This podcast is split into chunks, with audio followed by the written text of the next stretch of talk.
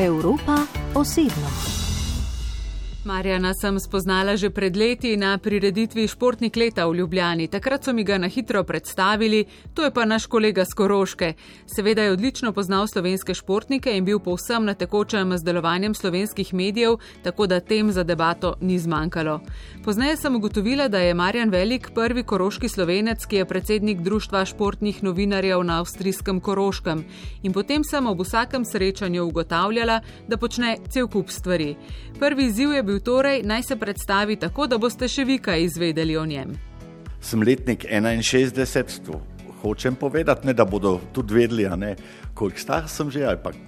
Mal se še počutim mladega, predvsem zato, ker sem ja še vedno povezan mal s športom. Šport je zaznamoval pravzaprav vse moje življenje, predvsem seveda nogomet, ker sem bil aktiven nogometaš, eh, potem tudi igralec, trener, in uh, zdaj v teh, kako bi rekel, zadnjih izdihljajih mojega uh, športnega življenja pa vodim reprezentanco koroških slovencev, na kar sem zelo ponosen, se pravi člansko reprezentanco, amatersko. Kot dodaja, reprezentanco že kmalo čaka nov izziv Evropeada, Evropsko prvenstvo narodnih skupnosti. Prvenstvo bi moralo biti že pred dvema letoma in kot se pošali Marjan, zdaj že dve leti čaka na konec karijere, konec selektorske karijere seveda. No, v penzijo pa še ne bo šel, poklicno je že več kot 20 let urednik slovenskih sporedov v deželnem studiu avstrijske radiotelevizije ORF v celovcu. Moram pa povedati, da sem mojo kariero pri radiju začel že pri 15 letih kot gimnazic in tam sem imel že pač, pač moje lastne oddaje, tudi malo neki s športom, malo neki z glasbo in tako naprej. Po duši je radijec, čeprav vodi tudi televizijsko in multimedijsko ekipo in ob uredniških nalogah še vedno dela tudi kot voditelj jutranjega programa. Slovenski spored, dobro jutro.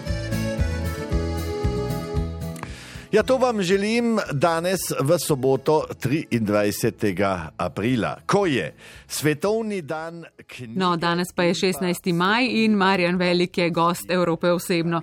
Če bi ga spoznavali le prek spleta, bi bilo kar očitno, da je zelo povezan z nogometom. Prvi zadetki iskanja so s priljubljene nogometne spletne strani Transfermarkt. Kot navdušeno razlaga je bil zelo blizu tega, da bi igral tudi v prvi avstrijski ligi sreča ali nesreča, to tako rekoč naknadno ne moš povedati, ne?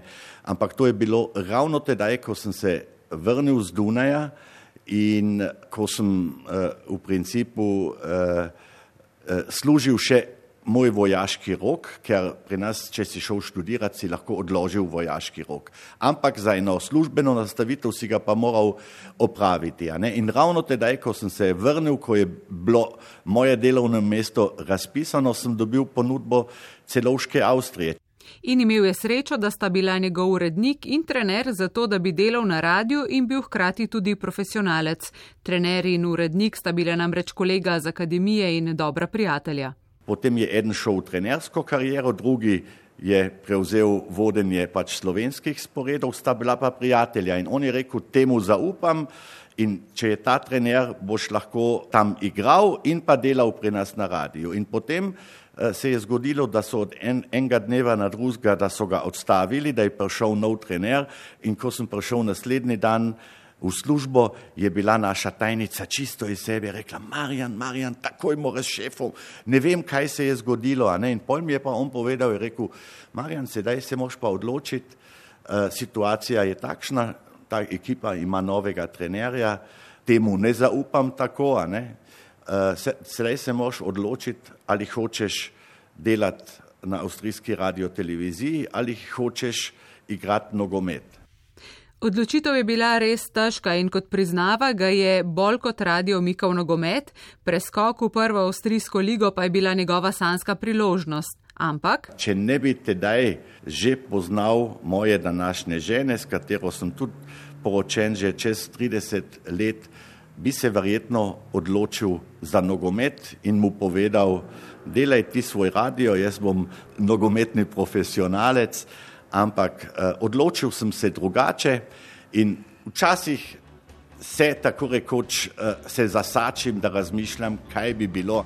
Še posebej se ujame v premljevanje, kaj bi bilo, če bi se odločil drugače, ko se dobi z nogometnimi kolegi, ki mu ob kakšnih razgretih debatah večkrat pravijo, da bi mu morda uspelo celo zaigrati v avstrijski reprezentanci, če seveda ne bi bilo poškodb.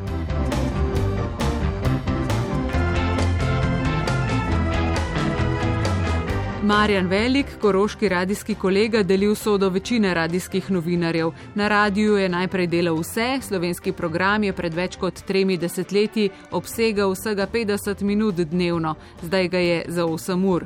Tu izpostavlja izjemno dobro sodelovanje oziroma pomoč avstrijske radio-televizije zasebnemu radiju Agora. Razmerje je ostalo isto, mi imamo 8 ur v dnevnem pasu, naš partner 4 ure in v nočnem pasu, se pravi od 6 zvečer do 6 zjutraj, pa je to svobodni radio Agora, ko imajo razni prosti sodelavci recimo možnost, eh, da tam oblikujejo sporede in to v številnih jezikih. Na vsak način teh 8 ur, sedaj od leta 1987 naprej, uh, imamo tudi televizijsko oddajo, oddajo Dobrodan Koroška v začetku 15-20 minut, sedaj kasneje potem 30 minut enkrat tedensko. To opravljamo in pa od leta 2000 naprej tudi spletne strani v obeh deželnih jezikih. Kot urednik je ponosen na svojo majhno, uspešno ekipo. Pred desetimi leti nas je bilo še nekaj več, ampak dan danes z enajstimi urednicami in uredniki imam uh, dve odlični punci v administraciji in pa tri do štiri stalnih rednih sodelavk in sodelavcev, torej 8 ur dnevno radijskega programa, 30 minutno uh, tedensko televizijsko oddajo in dnevno se pravi samo ob delavnikih od ponedeljka do petka pač uh, spletne strani v dveh deželnih jezikih. Zdi se mi zanimivo, da imaš tudi tu 11 sodelavcev in sodelavk, spet nogometno, kot nek eh, selektor. Ne? Um, uporabljaš podoben slog vodenja za uredništvo, kot tudi za ekipo? Moram povedati, da sem uh, mnogo profitiral dejansko od tega, uh, da sem bil že uh, v zelo mladih letih, recimo kapetan enega moštva, potem pravzaprav prvo funkcijo igralca, trenerja sem tudi že upravljal s 30 leti. Dejansko sem se od vodenja ekip, kajti tudi kot kapetana ne vodiš recimo eno ekipo, sem mnogo prevzel in mnogo profitiral in to sem opazil predvsem pri teh šolanjih, ki sem jih imel v okviru uh, naše uh, ustanove, se pravi ORF-a.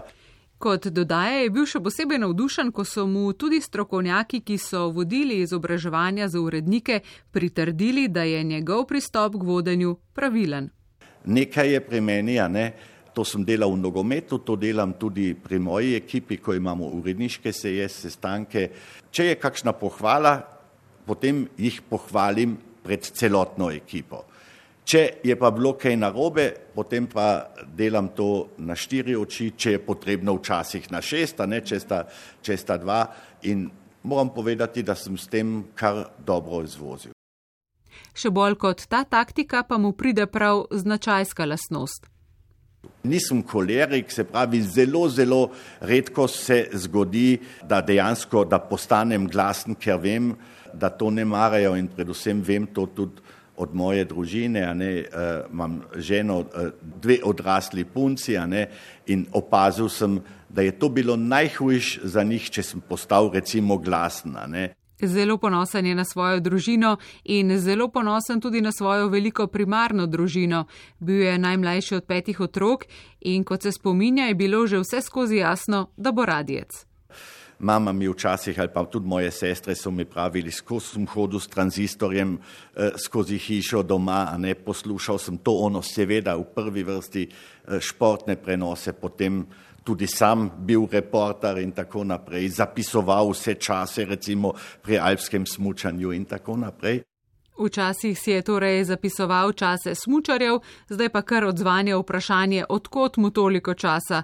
Ob službi torej počne še kup stvari, vodi med drugim športno organizacijo koroških slovencev in nogometno reprezentanco in ko ga povaram, odkot mu toliko energije, se presenetljivo preseli v najstniška leta.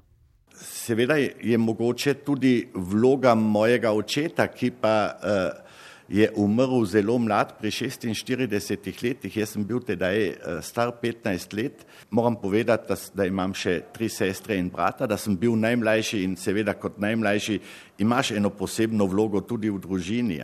Bilo je pač tako in, in, in, in tudi moj oče je imel mnogo funkcij. On je bil ljudsko-šolski ravnatelj, on je bil župan naše občine v Selah. On je bil podpredsednik slovenskega atletskega kluba, podpredsednik slovenske športne zveze in mislim, da je dejansko tako pri nas koroških slovencev, ker nas je tako malo, ne, da nam je to tudi že vsaj nekaterim ne, položeno v zibelko, da potem postanemo tudi multifunkcionarji.